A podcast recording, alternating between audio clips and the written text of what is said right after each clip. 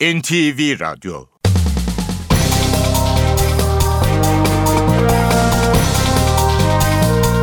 İşe Giderken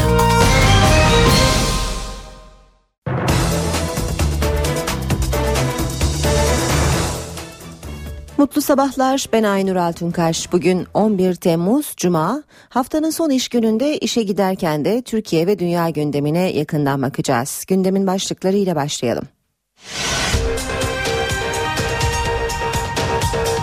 Başbakan bugün İstanbul'da düzenlenecek geniş katılımlı bir toplantıyla Cumhurbaşkanlığı vizyon belgesini açıklayacak.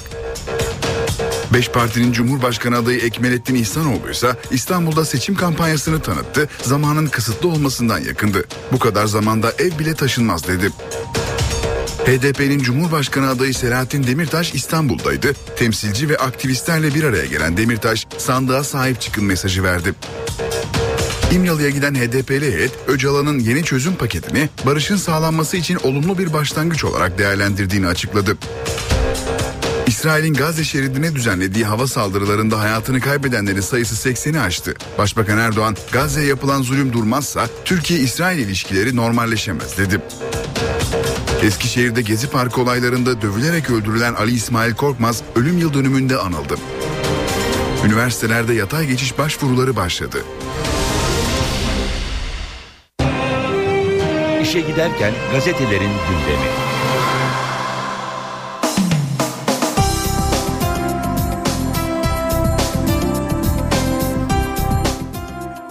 Basın özetlerine hürriyetle başlıyoruz. Ver parayı vur palayı diyor Hürriyet manşette. Gezi eylemleri sırasında Taksim'de bankacı bir kadına tekme atmak ve palayla hafif yaralamaktan yargılanan Sabri Çelebi 9 bin lira adli para cezasına çarptırıldı. Para cezasını ertelemeyen Suh Ceza Mahkemesi talimhanede büfe işleten Çelebi hakkında bir daha suç işlemeyeceğine dair kanaat oluşmadığı gerekçesiyle hükmün açıklanmasını geri bırakmadı. Palayı silah olarak kabul eden mahkeme 9 bin liranın 4 taksitle ödenmesini kararlaştırdı. Çelebi taksitleri ödemezse hapse girebilir. Devam edelim yine hürriyetten bir başlıkla aile şikayeti çekti. Sirkeci'de 15 Mart günü araba vapurunun erken hareket etmesi yüzünden suya düşen otomobilde boğulan Ece Su Yılmaz'ın davasında sürpriz bir gelişme oldu. İlk duruşmada olayda ihmali görülen vapur ve iskele görevlilerinden şikayetçi olan aile 3. duruşmada karar değiştirdi. Avukat Ejder Demir ailenin duruşmalarda yıprandığı için şikayetçi olmaktan vazgeçtiğini söyledi. Kamu davası olduğu için sanıkların yargılanması sürecek.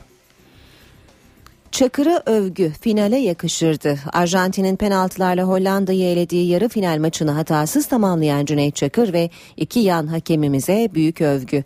İtalyan La Gazzetta della Sport, Çakır'a final maçı verilmeliydi diye yazdı. Sky Sport, hakem az düdük çalarak sıkıcı maçı izlenir hale getirdi yorumu yaptı. Devam edelim yine hürriyetten bir başlıkla.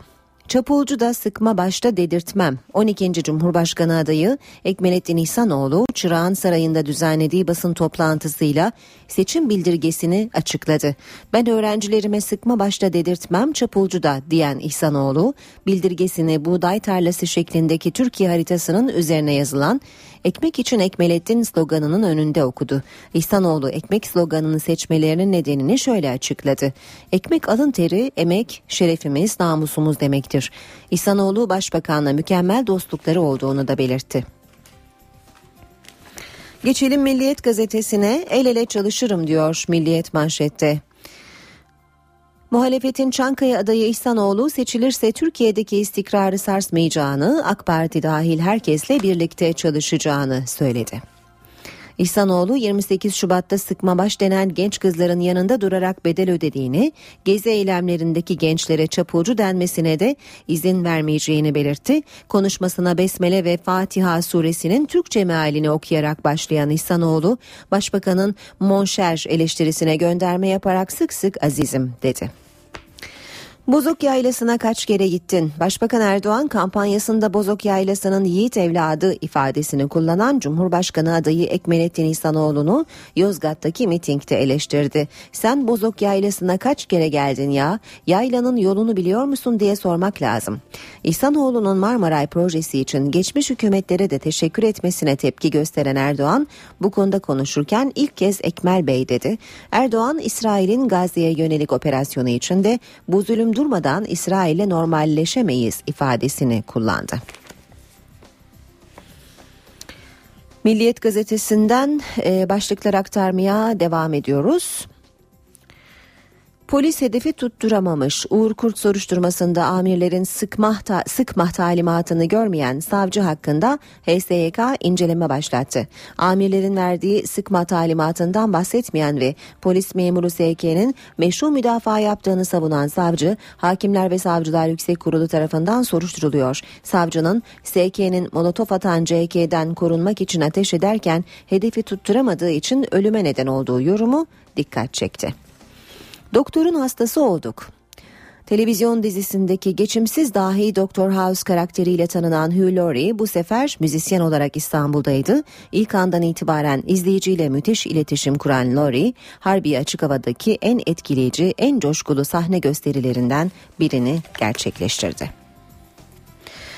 Sabah gazetesiyle devam edelim. Devletin zirvesi topyekün dinlendi diyor sabah manşette. Başbakan Erdoğan'a sunulan TÜBİTAK raporu ihaneti açıkça belgeledi. Tip'deki 200 paralelci 80 kriptolu telefonu dinledi.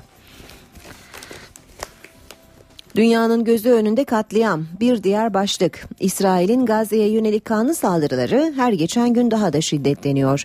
Dört günde çoğu sivil 750'den fazla hedefi vuran İsrail savaş uçakları Gazze'ye 800 ton bomba attı. Kadın çocuk demeden öldürülen Filistinlilerin sayısı 86'ya yükseldi. Yaralı sayısı 800'ü geçti. Paralel çatı kurdular, akıyor. Cumhurbaşkanı adayı Başbakan Erdoğan, geometri seven MHP ortaya paralel çatı çıkardı. O çatı şimdi akıyor dedi. Yozgat'taki mitinginden başlıklar aktarıyor sabah. Başbakan Erdoğan'ın dışarıdan Cumhurbaşkanı adayı ithal edip CHP ve MHP'ye dayattılar. Billboardlara Bozok Yaylası'nın yiğidi demekle yiğit olunmuyor. Sen Bozok Yaylası'na kaç kere geldin ya? Pensilvanya'ya ira- iradesi esir alınmış Bahçeli anlayışına oy vermeyin. Gazze'deki zulüm durmazsa İsrail'le normalleşme mümkün değil. Cumhuriyet gazetesi Gezi'ye de selam diyor manşette. Çatı adayı İhsanoğlu şov yapmadı, sevgi, barış, adalet, özgürlük tohumları ekme sözü verdi. Seçim bildirgesini açıklayan Ekmelettin İhsanoğlu, Kürt sorunundan yargı bağımsızlığına, ana dilinden Orta Doğu'ya, Atatürk'ten bilime, Gezi'den kadınlara dek toplumun hemen her kesimine sıcak mesajlar verdi. Adil bir seçim yarışı yaşanmadığını vurgulayan İhsanoğlu, Başbakanın tüm devlet olanaklarını kullanmasından yakındı. Ben gençlerimize sıkma çapuğucu diye hakaret ettirmem diyen İhsanoğlu ölüm yıl dönümünde Ali İsmail Korkmaz'ı da andı. Filistin'le ilgili Türkiye taraf olmamalı demediğini vurgulayan Erdoğan'a yanıt veren İhsanoğlu televizyon kanallarına kendisini aciz göstermek için talimat verildiğini ileri sürdü. İftiranın bini bir para diyen İhsanoğlu, Cumhurbaşkanı yol yapmaz yol gösterir diyerek icracı Cumhurbaşkanı olacağını söyledi. Devam ediyoruz basın özetlerine. Sırada Habertürk gazetesi var. Bombacılar komşuda yakalandı diyor manşeti. Habertürk'ün AK Parti Genel Merkezi ile Adalet Bakanlığı'na saldırının ardındaki iki DHKPC'li Yunanistan'da gözaltına alındı.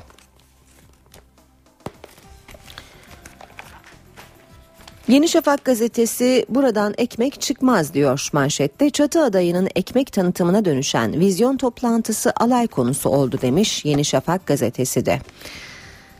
CHP ve MHP'nin Cumhurbaşkanı adayı Ekmelettin İhsanoğlu 1970'leri çağrıştıran seçim kampanyasıyla meydana indi. Logo ve ekmek için Ekmelettin sloganı dalga konusu olan İhsanoğlu yeni Türkiye'nin gerisinde kalan seçim bildirgesiyle de umut vermedi demiş Yeni Şafak haberinde. Zaman gazetesine bakalım. Haberi kimseye sıkma başta çapu, e, çapuğucuda dedirtmem başlığıyla veriyor Zaman Gazetesi de. Cumhurbaşkanı adayı İhsanoğlu seçim bildirgesini açıkladı. Türkiye'nin her geçen gün kutuplaştığını, milletin birbirine düşman edildiğini belirten İhsanoğlu, vatan topraklarına nefret değil, sevgi tohumları ekeceğini söyledi. Hiçbir partinin değil, Türkiye'nin adayı olduğunu ifade etti. İstikrarın devamı için AK Parti dahil bütün partilerle el ele çalışacağım dedi. Zamanın manşeti Türkmenler çöl ortasında ölüm kalım savaşı veriyor. Irak'taki IŞİD saldırılarının mağduru Türkmenler büyük bir trajedi yaşıyor. Örgütün telaferi ele geçirmesinin ardından şehri terk eden 11 Türkmen çöl ortasında 50 dereceyi bulan sıcaklarla boğuşuyor. Açlık ve susuzluk içinde Ramazan'ı yaşamaya çalışan Türkmenlere hiçbir yerden yardım ulaşmıyor. İşe giderken de gündeme yakından bakmaya başlayalım. Başbakan Tayyip Erdoğan İsrail'in Gazze'ye dönük saldırılarını eleştirdi. Yozgat'ta katıldığı iftar programında konuşan Erdoğan, bu zulmü durdurmadığınız sürece Türkiye ile İsrail arasında normalleşme sürecinden söz edilemez dedi. Bütün dünyayı, Birleşmiş Milletleri, bugün birçok görüşmeler yaptık, yapmaya devam edeceğiz. Bu zulmün durdurulmasına, bu ateşin kesilmesine davet ediyoruz. Bir taraftan İsrail bizimle normalleşme sürecini isterken bir diğer taraftan bu olaylar devam ettiği sürece ki ileri sürdüğüm üç şartın bir tanesi Filistin'e olan ambargonun kalkmasıydı. İlk iki şart gerçekleşmiş gibiydi. Özür, tazminat. Ama İsrail'in bu ambargo anlayışı demek ki kalkmaya niyetli değildi. İşte şu anda bu uygulamayla ortaya çıktı. Biz o zaman sizinle nasıl normalleşeceğiz ya? Normalleşebilir miyiz? Normalleşemeyiz. Önce bu zulmü durduracaksınız. Durdurmadığınız sürece Türkiye İsrail arasındaki normalleşmenin gerçekleşmesi de mümkün değildir. İsrail'in Gazze şeridine düzenlediği hava saldırılarında hayatını kaybedenlerin sayısı da 86'ya yükseldi. 500'den fazla da yaralı var. İsrail-Gazze gerilimi uluslararası toplumun da gündemine taşınmış durumda. İsrail'in Gazze saldırılarında onlarca kişi hayatını kaybetti, yüzlerce kişi de yaralandı. Gazze'de yaşanan insanlık dramı uluslararası toplumun da gündeminde. Birleşmiş Milletler İsrail Gazze gerilimi başlığıyla acil olarak toplandı. Genel Sekreter Ban Ki-moon iki tarafa da ateşkes çağrısında bulundu. Bölgedeki sivillerin her gün bir sonraki saldırı ne zaman olacak diye korku içinde yaşaması kabul edilemez. Tüm taraflar uluslararası savaş hukukuna saygı göstermeli. Filistin Devlet Başkanı Mahmut Abbas'ın Mısır Cumhurbaşkanı Abdülfettah Es-Sisi'den ateşkes sağlanması için ara buluculuk yapmasını istediğini belirten Ban, ateşkes her zamankinden daha fazla aciliyet kazandı dedi. Mısır yönetimi İsrail'in saldırılarında yaralananların tahliyesi için refah sınır kapısını açtı, 30 ambulans sınıra gönderildi. Geçen yılki darbenin mimarı olan Sisi yönetimindeki Mısır, Hamas'ı Müslüman kardeşlerin bir kolu olarak görüyor. ABD Başkanı Barack Obama ve İsrail Başbakanı Benjamin Netanyahu da telefonda görüştü. Obama, ABD ateşkes anlaşmasına geri dönülmesi dahil taraflar arasındaki düşmanlıkların sona erdirilmesine katkı sağlamaya hazırdır dedi.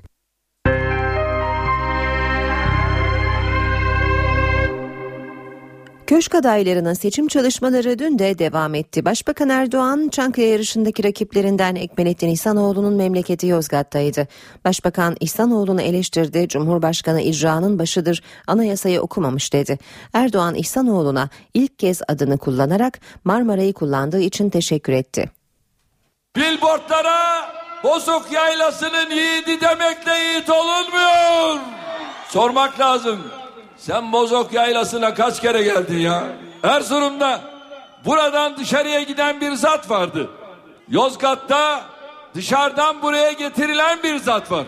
Cumhurbaşkanı adayı Başbakan Recep Tayyip Erdoğan, Çatı adayı Ekmelettin İhsanoğlu'nu memleketi Yozgat'ta eleştirdi. İslam dünyasında Türkiye'nin bu dönemde yapmış olduklarıyla evet sende bir yer edindin. O kadar. Filistin konusunda Türkiye tarafsız kalmalı. Orada yavrular öldürülürken, şehit edilirken biz nasıl olur da tarafsız kalırız ya? Olur mu böyle bir şey? Birkaç kere bunu söyledi. Ben icranın başı değilim dedi. Aç anayasayı bir oku. Başbakan Yozgat mitinginde Çatıada'ya olduğu açıklandıktan sonra ilk kez Ekmelettin İhsanoğlu'nu ismiyle andı. Marmara'ya bindiği için teşekkür etti. Ben Ekmel Bey'e teşekkür ediyorum. Hiç olmazsa buradan istifade etti. Ama diğerleri edemedi. Hala binemediler. Binin binin. Seçmenin gül suyu sıkılarak serinletildiği Cumhuriyet Meydanı'nda eleştiri oklarının hedefinde muhalefet de vardı. 10 Ağustos'ta çıkacak sonuç. Bu Kılıçdaroğlu'nun, bu Bahçeli'nin geleceğini tayin edecek. Bu sefer seçimi değil, izzetlerini yitirecekler. İnşallah bu beceriksiz idareciler artık o koltuklarında da oturamayacaklar.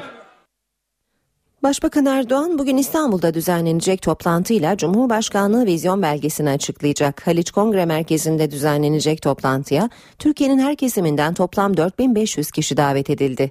Başbakan Erdoğan'ın açıklayacağı vizyon belgesinde dönüşüm sloganıyla yeni Türkiye vurgusu yapılacak.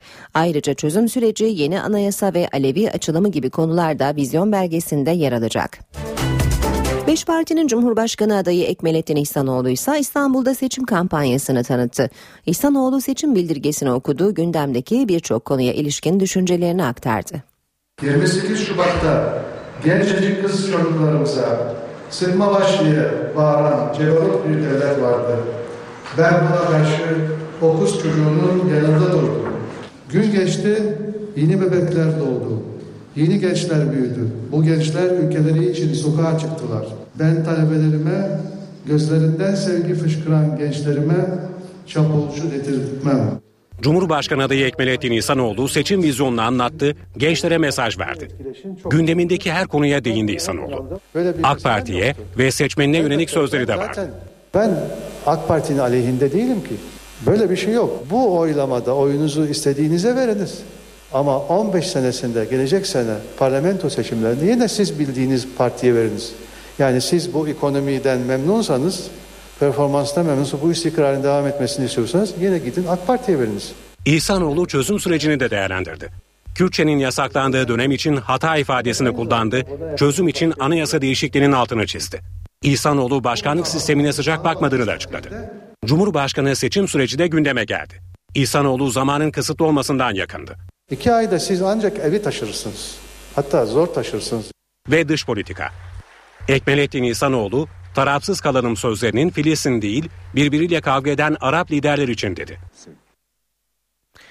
İhsanoğlu'nun seçim kampanyasının en çok ilgi çeken yönü sloganı oldu. O slogan ekmek için Ekmelettin. Kampanya tanıtımında seçim şarkısı da çalındı.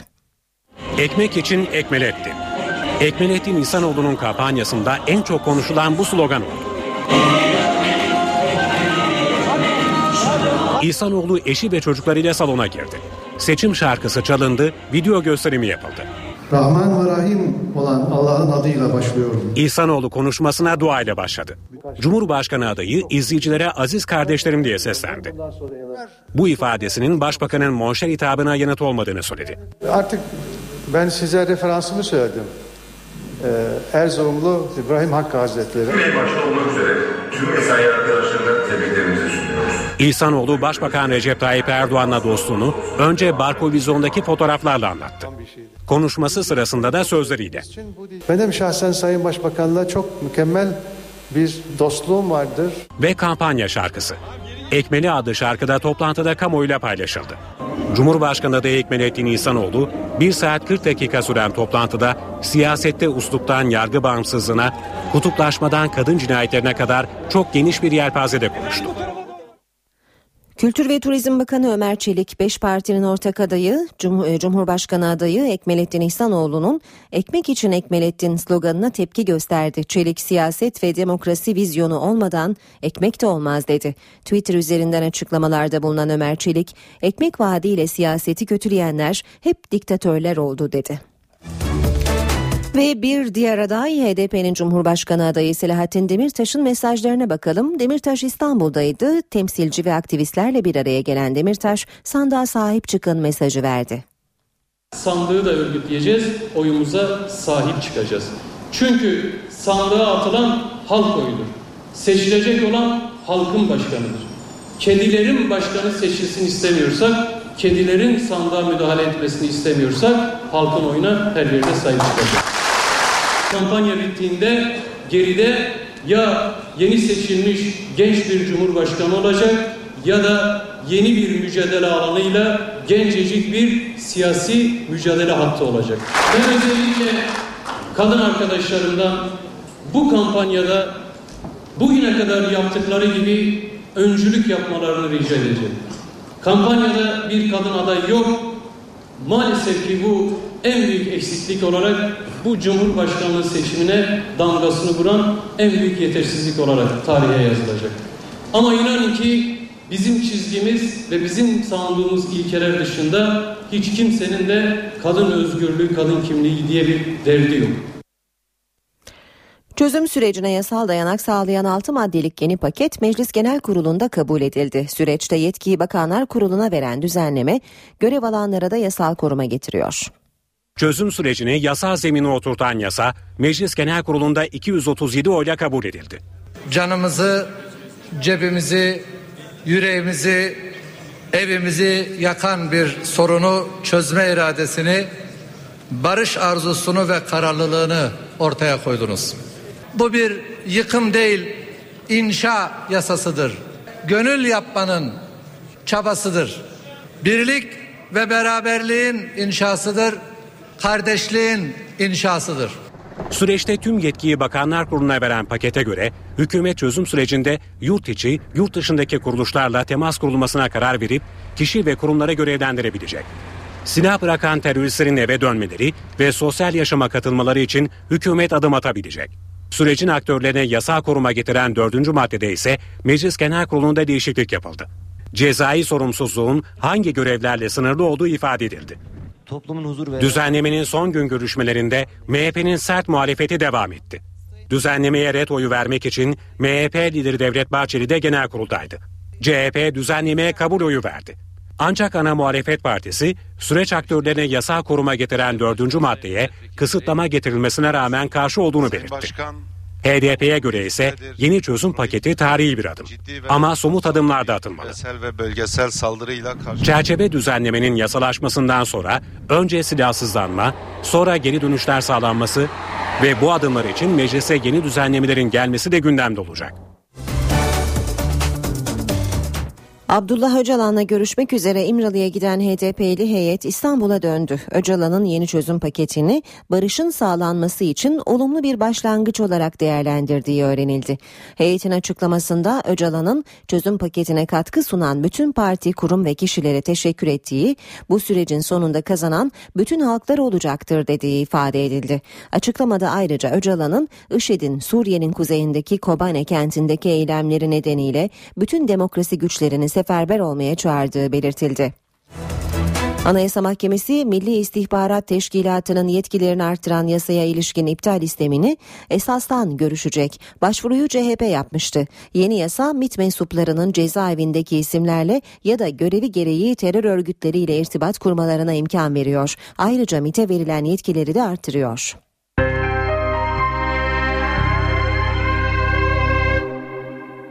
...37 günlük mesainin ardından 45 kanunda düzenleme içeren torba kanun tasarısı Meclis Plan ve Bütçe Komisyonu'nda kabul edildi. Soma'daki maden kazasının ardından maden çalışanlarına yönelik düzenlemeler içeren torba kanun tasarısı 60 maddeyle başlamış ancak önergelerle 150 maddeye kadar ulaşmıştı. Tasarı maden çalışanlarına yönelik düzenlemelerin yanı sıra taşeron işçiler, kamu alacaklarının yapılandırılması, eğitim sistemi, özelleştirme ve kentsel dönüşümün de aralarında bulunduğu birçok alanda düzenlemeler getiriyor. Başbakan bugün İstanbul'da düzenlenecek geniş katılımlı bir toplantıyla Cumhurbaşkanlığı vizyon belgesini açıklayacak. Beş partinin Cumhurbaşkanı adayı Ekmelettin İhsanoğlu ise İstanbul'da seçim kampanyasını tanıttı, zamanın kısıtlı olmasından yakındı. Bu kadar zamanda ev bile taşınmaz dedi. HDP'nin Cumhurbaşkanı adayı Selahattin Demirtaş İstanbul'daydı. Temsilci ve aktivistlerle bir araya gelen Demirtaş sandığa sahip çıkın mesajı verdi. İmralı'ya giden HDP'li heyet Öcalan'ın yeni çözüm paketini barışın sağlanması için olumlu bir başlangıç olarak değerlendirdiğini açıkladı. İsrail'in Gazze şeridine düzenlediği hava saldırılarında hayatını kaybedenlerin sayısı 80'i aştı. Başbakan Erdoğan, Gazze'ye yapılan zulüm durmazsa Türkiye-İsrail ilişkileri normalleşemez dedi. Eskişehir'de Gezi Parkı olaylarında dövülerek öldürülen Ali İsmail Korkmaz ölüm yıl dönümünde anıldı. Üniversitelerde yatay geçiş başvuruları başladı.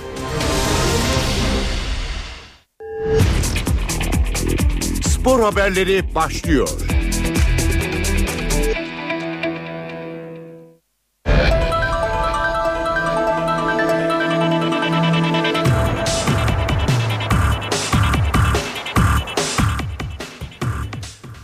Günaydın spor gündeminden gelişmelerle birlikteyiz. Fenerbahçe'nin İstanbul'a getirdiği Diego dün sabah sağlık kontrolünden geçti. Brezilyalı futbolcu kontrollerden önce basın mensuplarına açıklamalarda bulundu. Fenerbahçe transferi için daha önce iki kez görüşme yapıldığını belirten Diego kulüplerin anlaşamaması sebebiyle transferin gerçekleşmediğini söyledi. Brezilyalı oyuncu Fenerbahçe beni çok istedi ve sonunda bu transfer gerçekleşti. İki taraf için de çok yararlı bir transfer olacağına inanıyorum ifadelerini kullandı. Diego, Atletico Madrid'de şampiyonluk yaşadık ve Şampiyonlar Ligi'nde çok iyi sonuçlar elde ettik. Ardından buraya geldim. Hedefim her zaman önceki performansımın üzerine koyarak kendimi gösterebilmek, dedi. İzzet Hayrovic, Werder Bremen'de. Galatasaray'ın Bosna Hersekli oyuncusu İzzet Hayrovic, Bundesliga ekibi Werder Bremen'de 4 yıllık sözleşme imzaladı. Alacaklarını gerekçe göstererek Galatasaray'ı FIFA'ya şikayet eden İzzet Hayrovic'in İstanbul macerası kısa sürdü. Werder Bremen kulübü boşnak futbolcunun dün sağlık kontrolünden geçtiğini ve 2018'e kadar sözleşme imzaladığını duyurdu. Hayrovic Galatasaray'la sözleşmesini feshettiğini açıklamış ve Sarı Kırmızı kulüpten 4.6 milyon euro tazminat talep etmişti. Konuyla ilgili son karar kararı FIFA verecek. Diğer yandan Galatasaray Kulübü resmi sitesinden konuyla ilgili bir açıklama yaptı. Açıklamada Kulübümüz Werder Bremen'in sözleşme imzaladığını açıkladığı Hayrovic ile ilgili haklarını FIFA Uzlaşmazlık Çözüm Kurulu'nda savunacaktır dedi denildi. Beşiktaş'ın Almanya kampı tamamlandı. Siyah beyazların iki günlük iznin ardından hazırlıklarına İngiltere'de devam edecek.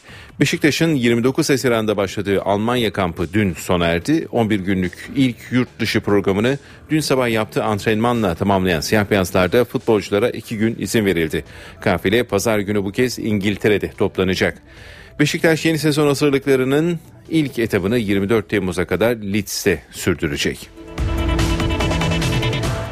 Bursa Spor'un Kartepe kampı sürüyor. Kampta bir basın toplantısı düzenleyen Volkan Şen, Şenol Güneş'i övdü ve yeni sezona yönelik iddialı mesajlar verdi. Herkes çok iyi niyetli çalışıyor, ee, özverili çalışıyor. Biliyorsunuz bir hafta sonra çok önemli olan bir e, maçımız var. Avrupa Kupası'nda elemeli, eleme maçımız var. Ben Şenol Hoca ile iki yıl çalıştım. Ee, gerçekten bana çok güveniyor. Ee, her gün konuşuyoruz kendisiyle. Kendisi zaten futbolculuğu ve e, hocalığı Hocalık kariyeri tartışılmaz. Ondan her gün yeni bir şeyler öğreniyoruz. Onun bilgisi, tecrübesinden bir şeyler almaya çalışıyoruz. Hem bizim adımıza hem de Bursa Spor adına gerçekten e, çok önemli bir isim. İnşallah kendisiyle bu sene hem Avrupa'da hem de ligde başarılı oluruz. Bu sene e, gerçekten biz çok iyi bir takım olma yolunda gidiyoruz. Çünkü e, idmanda olsun, idmandan sonra odalarımızda olsun çok iyi bir arkadaşlık var.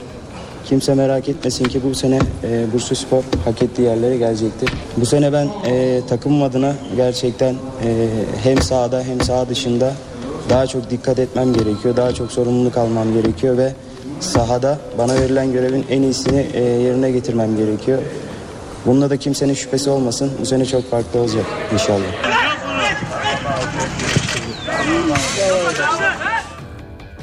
Bursa Spor UEFA Avrupa Ligi ikinci ön eleme turunda Gürcistan'ın Çikura takımıyla karşılaşacak. Bunu hemen belirtelim. Birinci ön eleme turu rövanş maçına Çikura konuk etti. Turnuvayı 3-1 mağlup etti. Makedonya'daki ilk maçı da 1-0 kazanan Gürcü takım böylece ikinci tura yükseldi ve Bursa Spor'un rakibi oldu. Temsilcimiz Gürcü rakibiyle 17 Temmuz'da Bursa'da karşılaşacak. İkinci ön eleme rövanş maçı ise 24 Temmuz 2014 tarihinde deplasmanda oynanacak. Kariyerinin ilk Dünya Kupası finalini oynamaya hazırlanan Lionel Messi'yi Maracana stadında zorlu bir sınav bekliyor. Birçok futbol otoritesi Messi'nin Maradona ve Pele ile aynı kategoride sayılabilmesi için Arjantinli yıldızın Dünya Kupası'nı kazanması gerektiğini belirtiyor. Maracana Stadı pazar gecesi Lionel Messi'nin kariyerinin en büyük sınavına sahne olacak. Barcelona ile birçok şampiyonluk yaşayan, UEFA ve FIFA tarafından birçok kişisel ödül ve ünvana layık görülen Arjantinli yıldız, milli takımı başarıya ulaştıramamakla itham ediliyor. Ayrıca Messi'nin dünyanın en iyi futbolcusu olması ve Maradona ile Pele ile aynı kategoride gösterilebilmesi için Dünya Kupası'nı kazanması gerektiği de bazı futbol otoriteleri tarafından sıklıkla dile getiriliyor. İşte bu yüzden pazar gecesi Almanya ile Arjantin arasında oynanacak final karşılaşması Messi için birden çok anlam ifade ediyor. Başarılarla dolu kariyerinde ilk kez Dünya Kupası finali oynama heyecanını tatmaya hazırlanan Arjantinli Yıldız, Maracana stadında hünerlerini sergileyip takımını 28 yıl sonra dünya şampiyonluğuna taşımak istiyor. Grup aşamasında oynanan Bosna Hersek, İran ve Nijerya maçlarında toplam 4 gole imza atan Messi, İsviçre, Belçika ve Hollanda'ya karşı oynanan eleme turlarında fileleri havalandıramadı. İlk Dünya Kupası tecrübesini henüz 19 yaşındayken 2006'da yaşayan Lionel Messi, 2010'da Güney Afrika'da turnuvayı gol atamadan tamamlamıştı. Bakalım Messi kariyerinin en önemli sınavında Maracana'da geçer not alabilecek mi? Ve basketbola geçelim. Euroleague'de 2014-2015 sezonu kura çekimi yapıldı. Ülkemizi temsil edecek olan Anadolu Efes, Fenerbahçe Ülker ve Galatasaray Live Hospital'ın rakipleri belli oldu. Turkish Airlines Euroleague 2014-2015 sezonu grup ve eleme turu kura çekimi İspanya'nın Barcelona kentinde yapıldı. Üç temsilcimizden ikinci torbada yer alan Anadolu Efes A, üçüncü torbada yer alan Fenerbahçe Ülker C ve dördüncü torbada yer alan Galatasaray Live Hospital D grubunda yer aldı. Anadolu Efes A grubunda İspanya'dan Real Madrid, Litvanya'dan Žalgiris Kaunas, Rusya'dan Nizhny Novgorod, İtalya'dan Dinamo Sassari ve eleme turundan gelecek takımla eşleşti. B grubunda bir Türk temsilcisi yok. Rusya'dan CSKA Moskova, İsrail'den Maccabi Tel Aviv, İspanya'dan Unicaja Malaga, Almanya'dan Alba Berlin, Hırvatistan'dan Cedevita Zagreb ve Fransa'dan Limoges takımları B grubunda yer alıyor. Euroleague'deki temsilcilerimizden Fenerbahçe Ülker'in C grubundaki rakiplerinin tamamı kendi liglerini şampiyon olarak tamamladı. İspanya'dan Barcelona, Yunanistan'dan Panathinaikos, İtalya'dan Emporio Armani Milano, Almanya'dan Bayern Münih ve Polonya'dan Turov, Fenerbahçe Ülker'le birlikte C grubunda yer alıyor. D grubundaki temsilcimiz Galatasaray Live Hospitals'a, Yunanistan'dan Olympiakos, İspanya'dan Eurocup şampiyonu Valencia ve Laboral Kuça, Sırbistan'dan Kızıl Yıldız ve Litvanya'dan Neptunas'la mücadele edecek.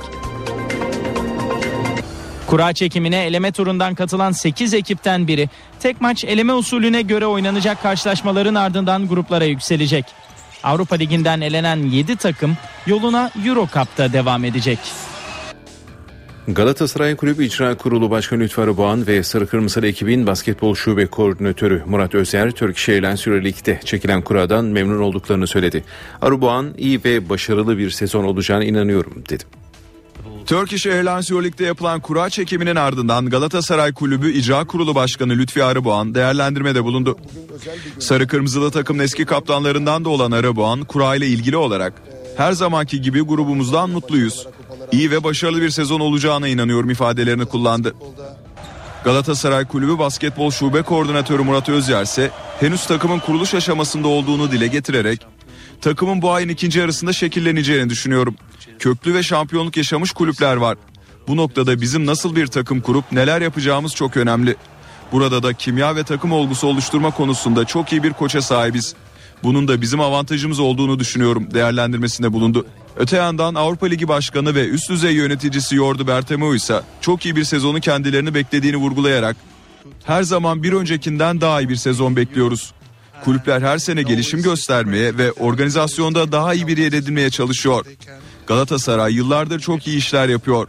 Türkiye'de şu andaki mevcut A lisansı ile ilgili durumu değiştirmek zor ama Galatasaray'ı her sezon burada görmek istiyoruz ve bunun için bir çözüm arıyoruz şeklinde konuştu.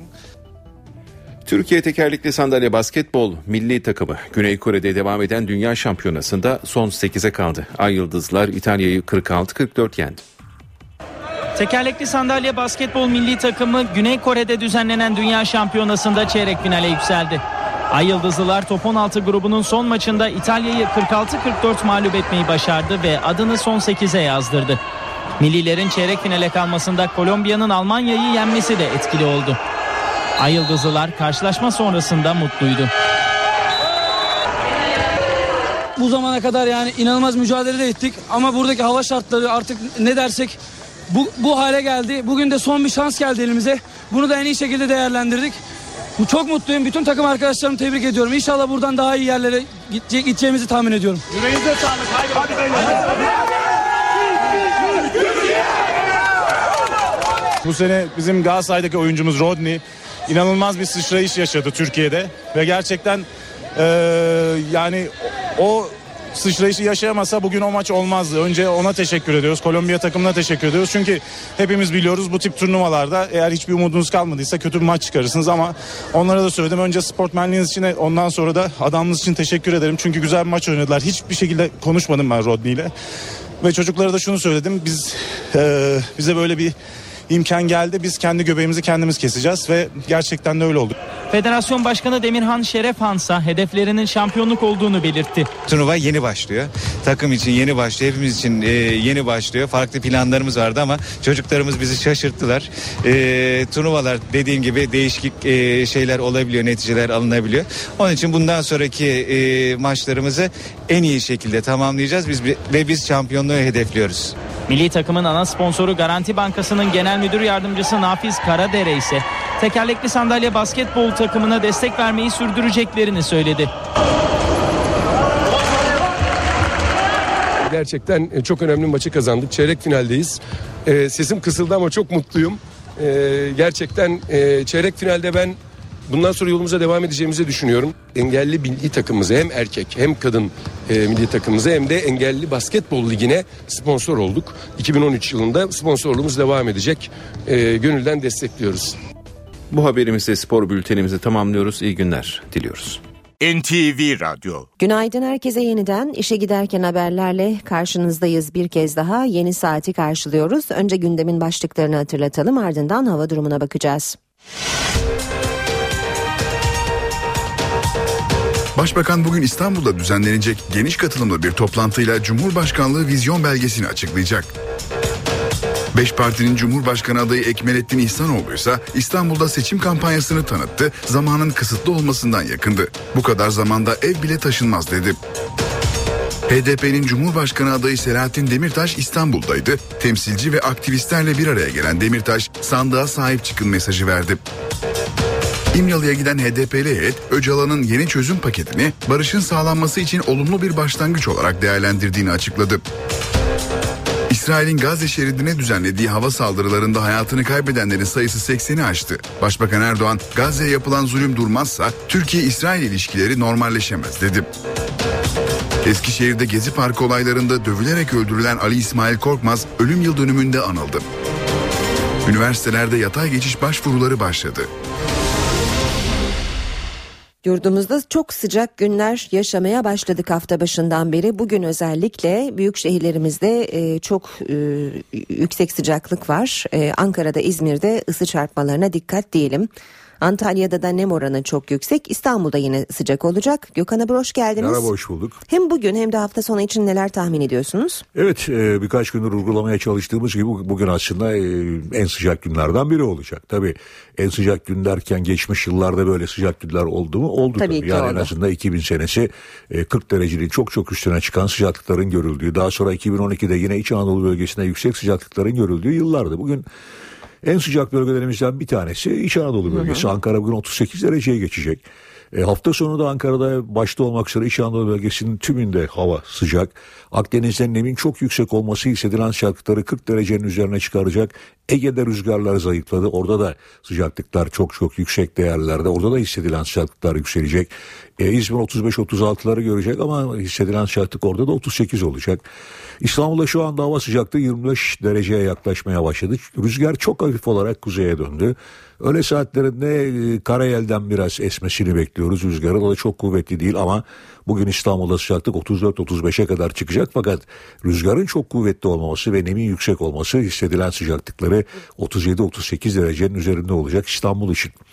Evet e, Doğuda Güney- peki hava nasıl? Doğu çok sıcak. Bugün Malatya 36-37 dereceye görecek. Güneyde, Güneydoğu'da Diyarbakır 41, Adıyaman'da 41, Şanlıurfa 42-43'lere kadar çıkabilecek. Gaziantep 38 derece olacak ve bir aile sıcak tabii. Ama Marmara bölgesinin ufak bir avantajı var çünkü Bu gece saatlerinde Trakya'da bulutlanma artacak. Dolayısıyla Bulgaristan ve Romanya üzerindeki o yoğun bulut kümesi Trakya'ya geldiği zaman da kısa süreli sağanaklar oluşturabilecek. Bunlar çok uzun süreli yağışlar değil.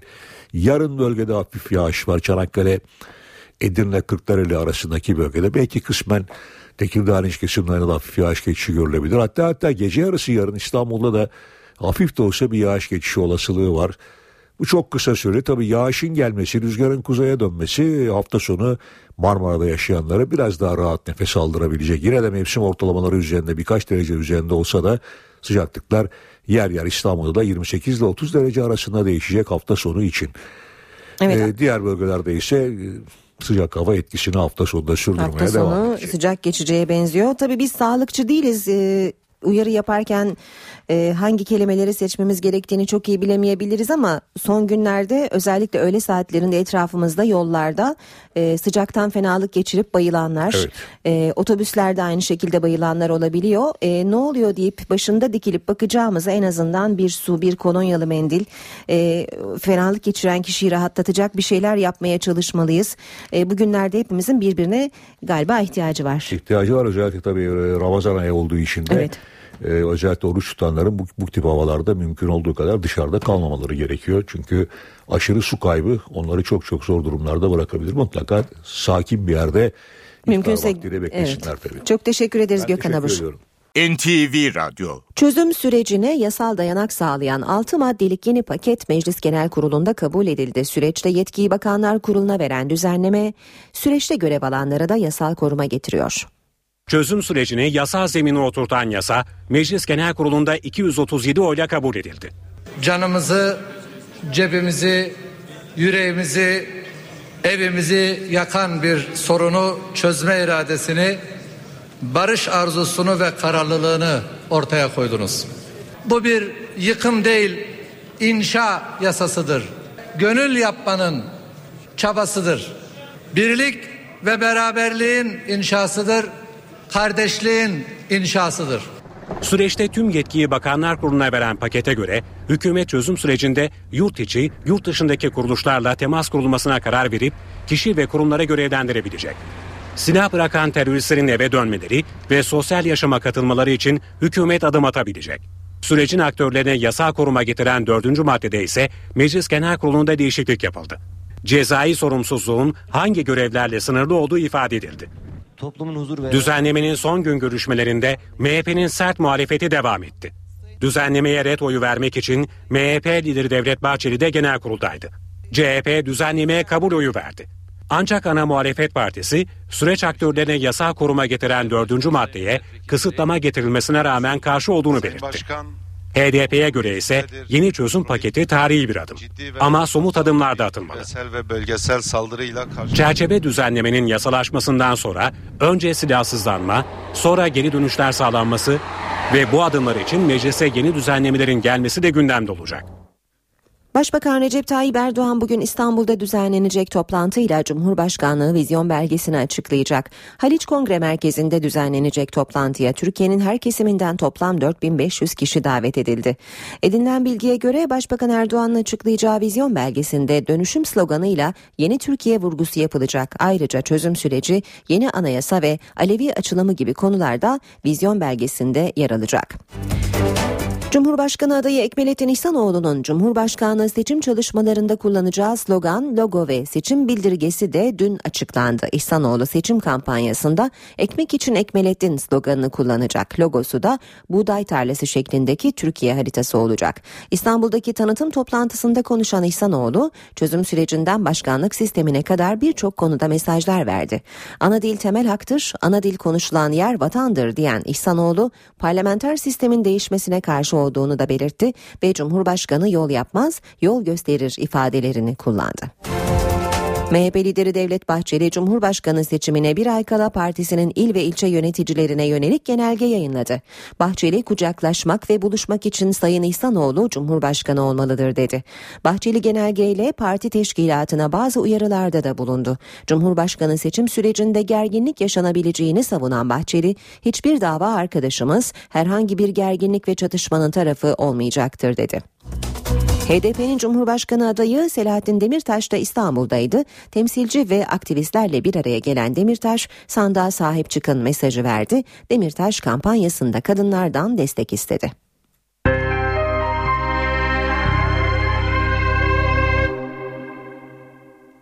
Mart ayında Sirkeci Feribot iskelesinde içinde oldukları otomobil denize düşünce boğulan 5 yaşındaki Ecesu Yılmaz ve Şaziye Gülseren'in ölümüyle ilgili davada aile gemi kaptanıyla gemi görevlileri hakkındaki şikayetlerinden vazgeçti. Bu olayda hayatını kaybeden 5 yaşındaki Ece Su Yılmaz da anneannesi Şaziye Gülseren'in ailesi kaptan ve personel hakkında şikayetlerini geri çekti. 15 Mart'ta Sirkeci Feribot iskelesinde meydana gelen olaydan sonra feribot kaptanı Erkan Atalay İ, çımacı Levent D ve usta gemici Özay Y hakkında taksiyle ölüme sebebiyet vermek ve tedbirsizlik ve dikkatsizlik sonucu yaralanmaya neden olmak suçlarından dava açıldı. Sanıklar 3 yıldan 15 yıla kadar hapis cezası sistemiyle yargılanmaya başlandı.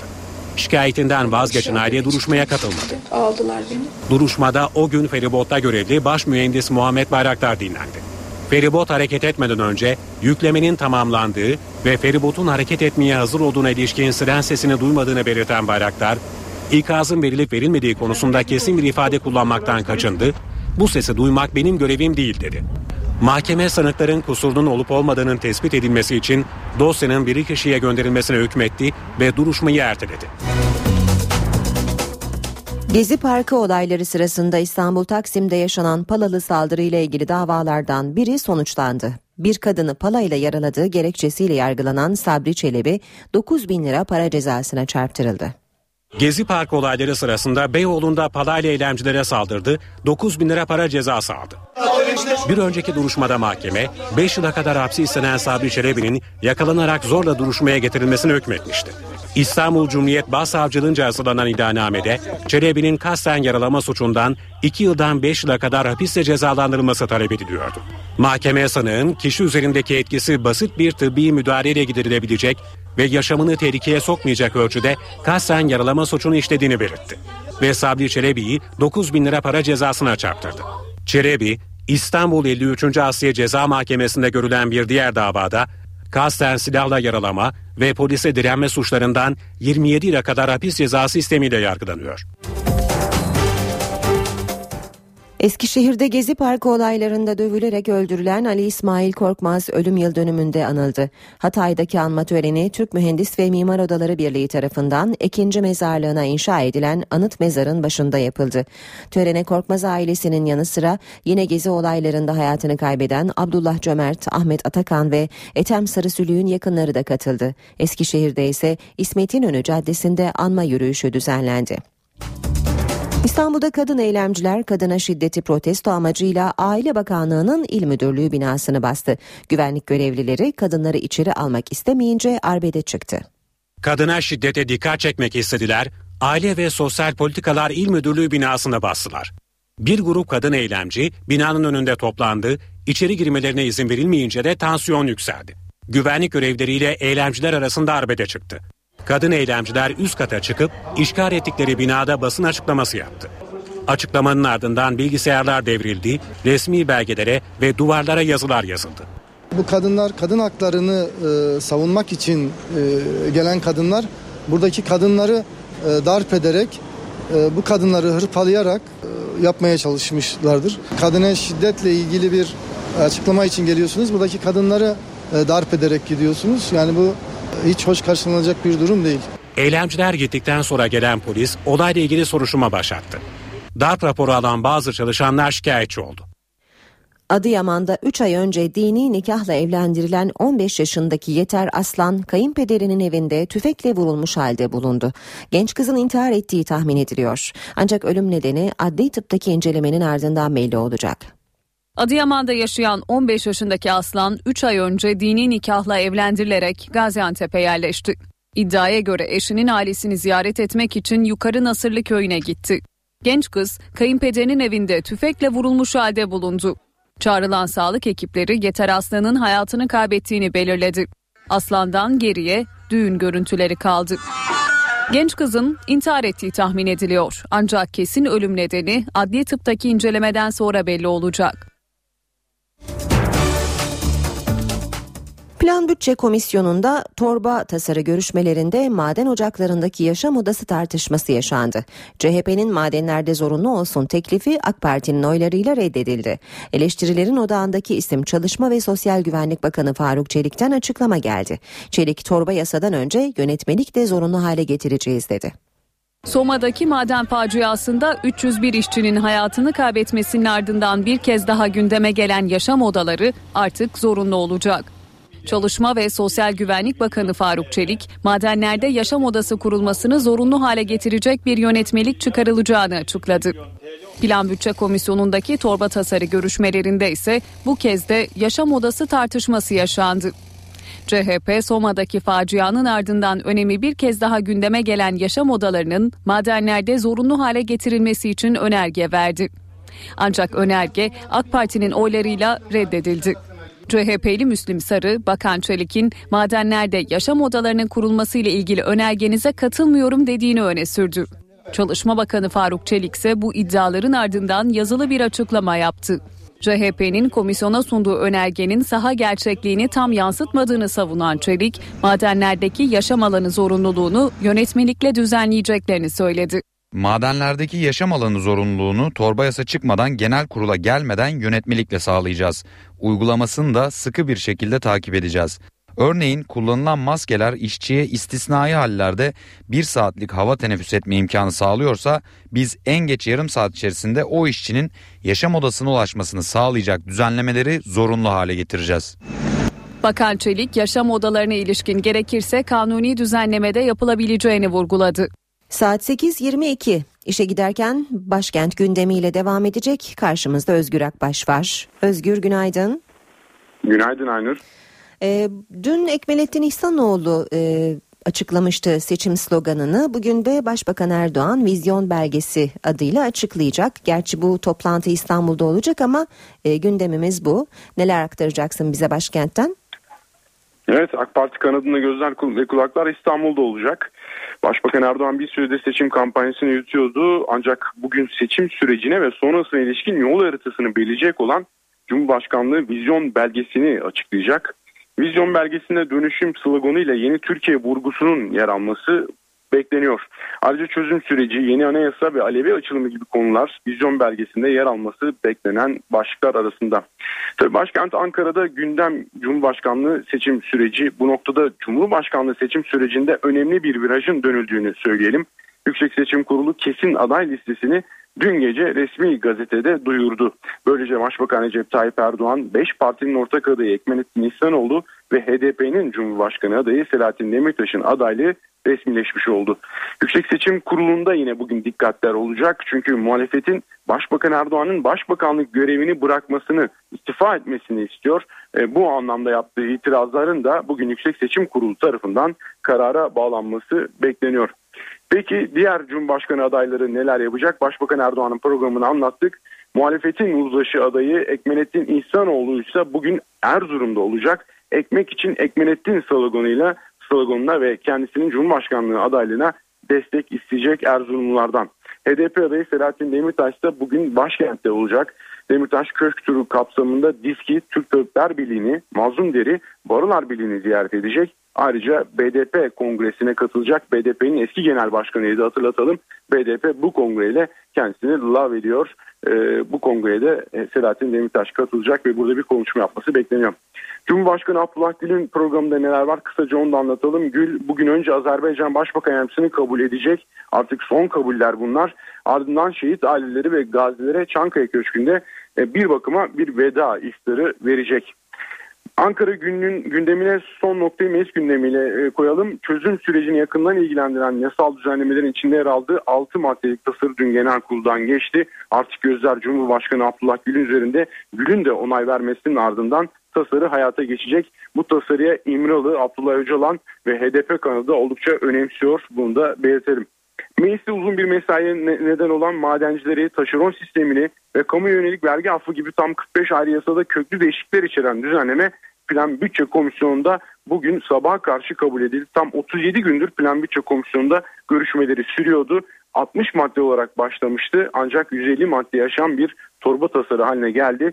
Artık bu torba tasarı genel kurulda ele alınacak. Yoğun tartışmalar söz konusuydu. Muhalefet anayasa, anayasaya aykırı maddeler olduğunu ifade ederek oldukça yoğun itirazlarda bulundu komisyonda. Bu itirazlar şimdi genel kurula da taşınacak gibi gözüküyor. Salı günü bu tasarının ele alınması bekleniyor. Evet haftanın son üç günde Ankara'da öne çıkan Yunan başlıkları böyleydi aynı.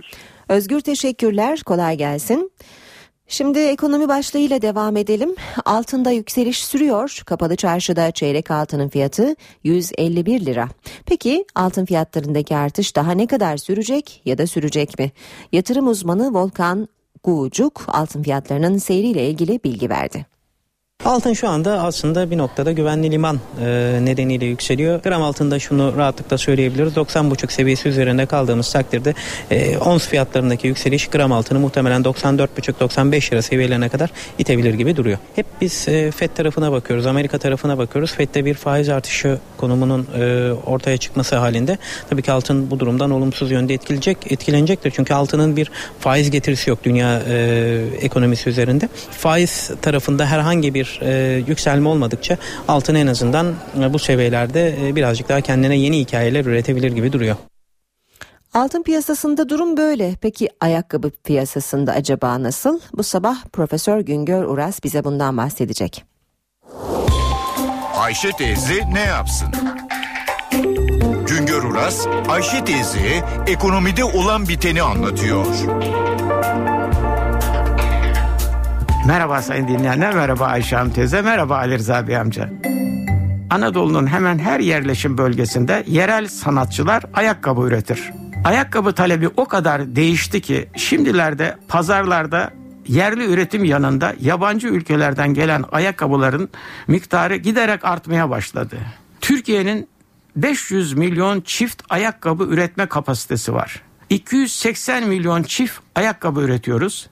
Yılda 60-80 milyon çift ayakkabıyı da ithal ediyoruz. Kayıtlı olarak 7 bine yakın ayakkabı işletmesinde 70 bine yakın çalışan var. Ama kayıtsızı ile tek başına çalışan aile işletmesi olarak ayakkabı üreteni ile bu sektörden 300 bin kişinin ekmek yediği tahmin ediliyor. Üretimin yarısı İstanbul'daki iş yerlerinde gerçekleştiriliyor. Üretimde öne çıkan diğer iller Konya, Bursa, Ankara, Gaziantep, Manisa, Denizli, Adana, Malatya ve Çorum. 2013 yılında 723 milyon dolarlık ayakkabı ihraç ettik. Buna karşılık başka ülkelerden 992 milyon dolarlık ayakkabı ithali yaptık. Yani dikkat buyurunuz ihracat 723 milyon dolarlık ithalat 992 milyon dolarlık. İhracatta çift başı fiyat ortalaması 4,5 dolarken ithal edilen ayakkabılarda çift başı fiyat 17,5 dolar dolayında. Dünyada çok büyük bir ayakkabı pazarı var. Dünya ayakkabı ithalatının yüzde yirmisini Amerika yapıyor. Amerika'dan sonra Almanya, Fransa, İngiltere gibi zengin ülkeler büyük ayakkabı pazarları. Avrupa'da ayakkabı ihracatında İspanya, Portekiz ve İtalya önde geliyor. Bizim kapasitemiz var ama ihracat tasarıma, kaliteye ve tanıtıma bağlı. Düşük kaliteli ucuz mal ile zengin pazarlara giremiyoruz. Biz Rusya, Irak, Litvanya, Suudi Arabistan, Ukrayna pazarlarına ayakkabı satıyoruz. 2013 yılında Çin'den 537 milyon dolarlık, Vietnam'dan 145 milyon dolarlık, İtalya'dan 101 milyon dolarlık, Endonezya'dan 89 milyon dolarlık ayakkabı ithal ettik.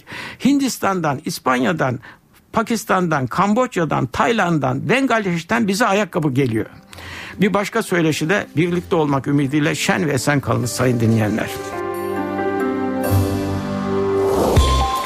Güngör Uras'a sormak istediklerinizi ntvradio.ntv.com.tr adresine yazabilirsiniz. Piyasalarla devam edelim ardından ara vereceğiz. BIST 100 endeksi dün %1,14 oranında değer kaybederek 78.551 puandan e, günü tamamladı. Bu sabah dolar 2.12, euro 2.89'da, euro dolar 1.36, dolar yen 101 düzeyinde. Altının onsu 1337 dolar, kapalı çarşıda külçe altının gramı 93, çeyrek altın 150 liradan işlem görüyor. Brent petrolün varili 108 dolar. Başbakan bugün İstanbul'da düzenlenecek geniş katılımlı bir toplantıyla Cumhurbaşkanlığı vizyon belgesini açıklayacak. Beş partinin Cumhurbaşkanı adayı Ekmelettin İhsanoğlu ise İstanbul'da seçim kampanyasını tanıttı, zamanın kısıtlı olmasından yakındı. Bu kadar zamanda ev bile taşınmaz dedi. HDP'nin Cumhurbaşkanı adayı Selahattin Demirtaş İstanbul'daydı. Temsilci ve aktivistlerle bir araya gelen Demirtaş sandığa sahip çıkın mesajı verdi. İmralı'ya giden HDP'li heyet Öcalan'ın yeni çözüm paketini barışın sağlanması için olumlu bir başlangıç olarak değerlendirdiğini açıkladı. İsrail'in Gazze şeridine düzenlediği hava saldırılarında hayatını kaybedenlerin sayısı 80'i aştı. Başbakan Erdoğan, Gazze'ye yapılan zulüm durmazsa Türkiye-İsrail ilişkileri normalleşemez dedi. Eskişehir'de Gezi Parkı olaylarında dövülerek öldürülen Ali İsmail Korkmaz ölüm yıl dönümünde anıldı. Üniversitelerde yatay geçiş başvuruları başladı. Üniversitelerde yatay geçiş başvuruları başladı. 30 Ağustos'a kadar tamamlanması gereken başvurular bu yıl ilk kez not ortalamasına göre değil, üniversiteye girişteki merkezi puana göre yapılacak. Bir işletme öğrencisi ilgili puan türü yetiyorsa inşaat mühendisliğine geçiş yapabilecek. Üniversitede yatay geçiş için başarı şartı tarih oldu. Bu yıl ilk kez üniversite sınavındaki merkezi puanlara göre yapılacak yatay geçiş başvuruları başladı. Başvurular 30 Ağustos'a kadar tamamlanacak. Sonuçlar en geç 15 Eylül'de açıklanacak. Yükseköğretim Kurulu yeni yatay geçiş uygulamasının esaslarını belirledi. Yönetmeliğe göre öğrenci kayıt olduğu yıldaki merkezi yerleştirme puanı yetiyorsa istediği bölüme yatay geçiş yapabilecek. Örneğin Türkçe matematik 1 puanı ile girilen işletme bölümündeki bir öğrenci matematik fen 1 puanı yetiyorsa inşaat mühendisliği bölümüne geçebilecek. Ancak öğretim dili Türkçe programdan tamamen veya kısmen yabancı dilde eğitim yapan programlara geçişte yabancı dil şartı aranacak. Yatay geçiş için her bölümün her sınıfı için öğrenci kontenjanının %30'u kadar yıllık kontenjan ayrılacak. Başvurular her yıl eğitim öğretim dönemi başlamadan önce yapılacak. Bahar döneminde başvuru alınmayacak. Bütün bu esaslar 2014-2015 eğitim öğretim yılından itibaren uygulanacak. Vatikan'ı Dünya Kupası final heyecanı sardı. Ancak futbol fanatiği olan Arjantinli Papa Francis'le klasik müzik tutkunu olan Alman Emeritus 16. Benedikt'in maçı birlikte izlemeyecek olması hayal kırıklığı yarattı.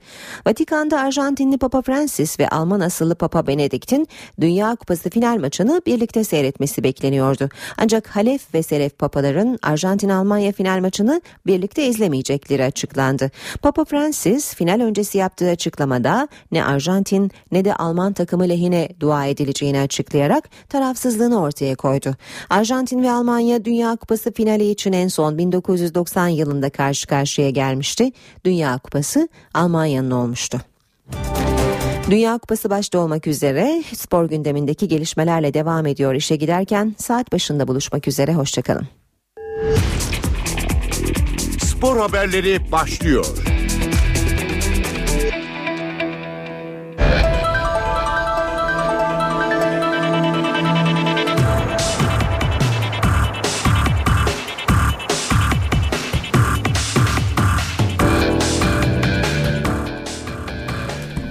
Bir kez daha günaydın. Spor gündeminden gelişmelerle birlikteyiz. Merkez Hakem Kurulu Başkanı Zekeriya Alp, Arjantinli Hollanda arasında oynanan Dünya Kupası yarı final maçını yöneten Cüneyt Çakır ve yardımcılarını son derece başarılı bulduğunu söyledi. NTV Spor'u konuşan Başkan Alp, hala çok heyecanlıyız, onlara ne kadar teşekkür etsek az, dedi.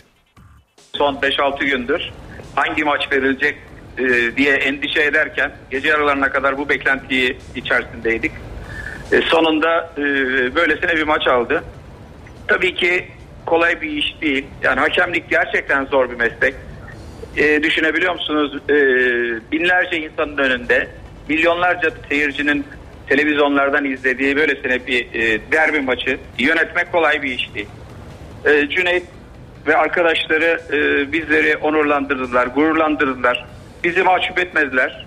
kendilerine ne kadar teşekkür etsek azdır. Maç günü e, kendisiyle görüştüğümüz andan itibaren şunu hissettim. Bahattin e, özellikle e, telefonda o kadar rahattılar ki sanki kendileri yani normal bir maça hazırlanıyormuş gibi o atmosferden sıyrılmış ve maça öyle bir hazırlık içerisindeydiler. Bu çok önemli. E, kendinizi e, maçın atmosferine kaptırmadan sadece ve sadece akşam yöneteceğiniz maçın heyecanını e, düşünerek e, sahaya çıktığınız andan itibaren çok daha farklı bir yönetim tarzı da uygulama şansı oluyor. İşte ben de şahsen e, böyle bir durumdan e, son derece mutluyum. Ülke mutlu. Sizler spor yazarları, spor içerisinde olan herkes çok mutlu. Hep bunları e, gördüm şu iki e, dünden beri. O bakımdan e, gerçekten e, heyecanlıyız. Aslına bakarsanız yani gerçekten hala he- heyecanımız o heyecanımız devam ediyor. İnanın. Kariyerinin ilk Dünya Kupası finalini oynamaya hazırlanan Lionel Messi'yi Maracana stadında zorlu bir sınav bekliyor. Birçok futbol otoritesi Messi'nin Maradona ve Pele ile aynı kategoride sayılabilmesi için Arjantin yıldızın Dünya Kupası'nı kazanması gerektiğini belirtiyor. Maracana Stadı pazar gecesi Lionel Messi'nin kariyerinin en büyük sınavına sahne olacak.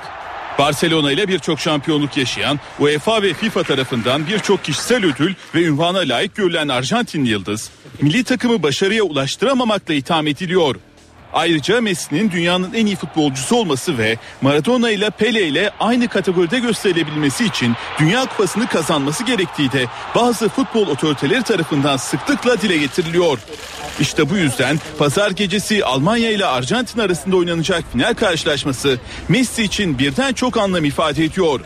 Başarılarla dolu kariyerinde ilk kez Dünya Kupası finali oynama heyecanını tatmaya hazırlanan Arjantin Yıldız, Maracana stadında hünerlerini sergileyip takımını 28 yıl sonra dünya şampiyonluğuna taşımak istiyor.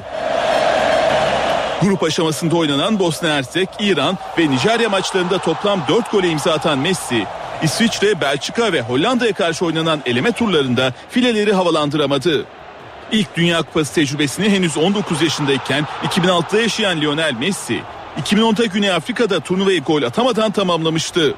Bakalım Messi kariyerinin en önemli sınavında Maracana'da geçer not alabilecek mi? Hollanda milli takımı teknik direktörü Louis van Gaal, Brezilya ile oynayacakları üçüncülük maçının kendisi için çok bir anlam ifade etmediği imasında bulundu. Van Gaal, Dünya Kupası'nda tek bir ödül olmalı, o da şampiyonluk. Üçüncülük maçı oynanmamalı dedi. Louis van Gaal'e göre Dünya Kupası'nda oynanan üçüncülük maçı gereksiz. Hollanda milli takımı teknik direktörü cumartesi gecesi Brezilya ile formalite maçı oynayacaklarını ve bundan pek memnun olmadığını dile getirdi. 10 yıldır aynı şeyi söylüyorum. Üçüncülük maçı oynanmamalı.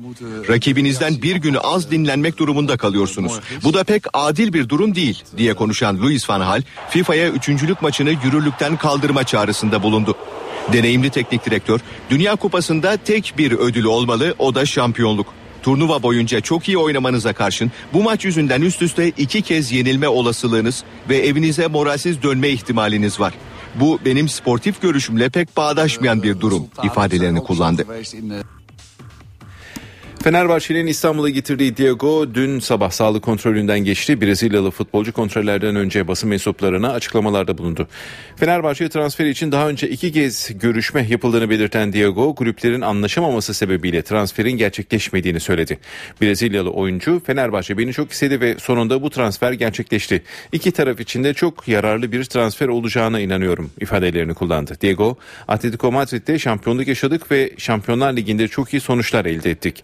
Ardından buraya geldim. Hedefim her zaman önceki performansımın üzerine koyarak kendimi gösterebilmek dedi. Yeni sezon hazırlıkları için 29 Haziran'da Almanya'ya giden Beşiktaş 12 günlük kampı tamamladı. Siyah beyazlı takım İngiltere yolcusu. Beşiktaş'ın yeni sezon hazırlık programının ilk bölümü sona erdi. Siyah beyazlar 29 Haziran'dan bu yana bulunduğu Almanya kampını bitirdi. 12 günlük Almanya kampı boyunca Beşiktaş'ın en önemli gündemi transfer çalışmaları oldu. Defans, orta saha ve forvet hattına alınacak yabancı oyuncular için temaslar kamp süresince devam etti. Mitroğlu'nun kiralanması, Lanzini'nin de bonservisiyle kadroya dahil edilmesi, teknik heyet ve yönetimin öne çıkan hedefleri olsa da yapılan görüşmelerden henüz sonuç çıkmadı. Yeniden kadroya dahil edilmesi için çaba sarf edilen Gökhan Töre konusunda da mutlu sona ulaşılamadı. Yönetim ve teknik heyet transfer çalışmalarını sürdürürken takım yoğun bir çalışma temposu içindeydi. 26 futbolcunun yer aldığı ilk etap kampında öne çıkan isim Mustafa Pekdemek oldu. Mustafa geride kalan yıllara oranla oldukça verimli bir kamp dönemini geride bıraktı. Beşiktaş'a transfer olduğu günden bu yana yaşadığı sakatlıklar ve fazla forma şansı bulamaması nedeniyle kendisini gösteremeyen Mustafa kampın parlayan yıldızıydı. Yaşadığı ağır sakatlık sonrası son iki yıl neredeyse futbola hasret kalan İsmail de gösterdiği performansla sezona hazır olduğunun sinyallerini verdi. Genç oyuncunun her antrenman sonrası yaptığı ekstra çalışmalar ve serbest vuruş denemeleri dikkatlerden kaçmadı. Fry, Ersan ve Pedro Franco da Almanya kampında olumlu performanslarıyla göze batan isimler arasında yer aldı. Geçen sezonki hazırlık kampının yıldızı olarak anılan teknik direktör Slaven Bilic ise yeni sezon öncesi oldukça moralsiz ve durgundu. Bir türlü yapılamayan transferler ve Önder Özen'le aralarındaki soğukluk Bilic'in bu halinin nedeni olarak yorumlandı.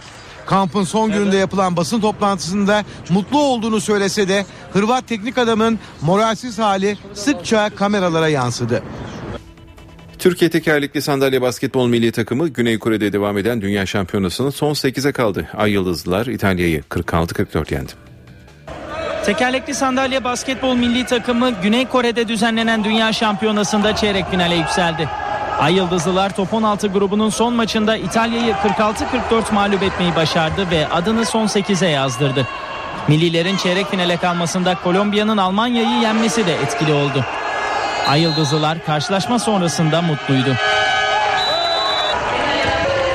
Bu zamana kadar yani inanılmaz mücadele de ettik ama buradaki hava şartları artık ne dersek bu, bu hale geldi. Bugün de son bir şans geldi elimize. Bunu da en iyi şekilde değerlendirdik. Çok mutluyum. Bütün takım arkadaşlarımı tebrik ediyorum. İnşallah buradan daha iyi yerlere gideceğimizi tahmin ediyorum. Yüreğinize sağlık. Haydi, hadi Bu sene bizim Galatasaray'daki oyuncumuz Rodney inanılmaz bir sıçrayış yaşadı Türkiye'de ve gerçekten e, yani o sıçrayışı yaşayamasa bugün o maç olmazdı. Önce ona teşekkür ediyoruz. Kolombiya takımına teşekkür ediyoruz. Çünkü hepimiz biliyoruz bu tip turnuvalarda eğer hiçbir umudunuz kalmadıysa kötü bir maç çıkarırsınız ama onlara da söyledim. Önce sportmenliğiniz için ondan sonra da adamınız için teşekkür ederim. Çünkü güzel bir maç oynadılar. Hiçbir şekilde konuşmadım ben Rodney ile. Ve çocuklara da şunu söyledim. Biz e, bize böyle bir imkan geldi. Biz kendi göbeğimizi kendimiz keseceğiz ve gerçekten de öyle oldu. Federasyon Başkanı Demirhan Şerefhan ise hedeflerinin şampiyonluk olduğunu belirtti. Turnuva yeni başlıyor.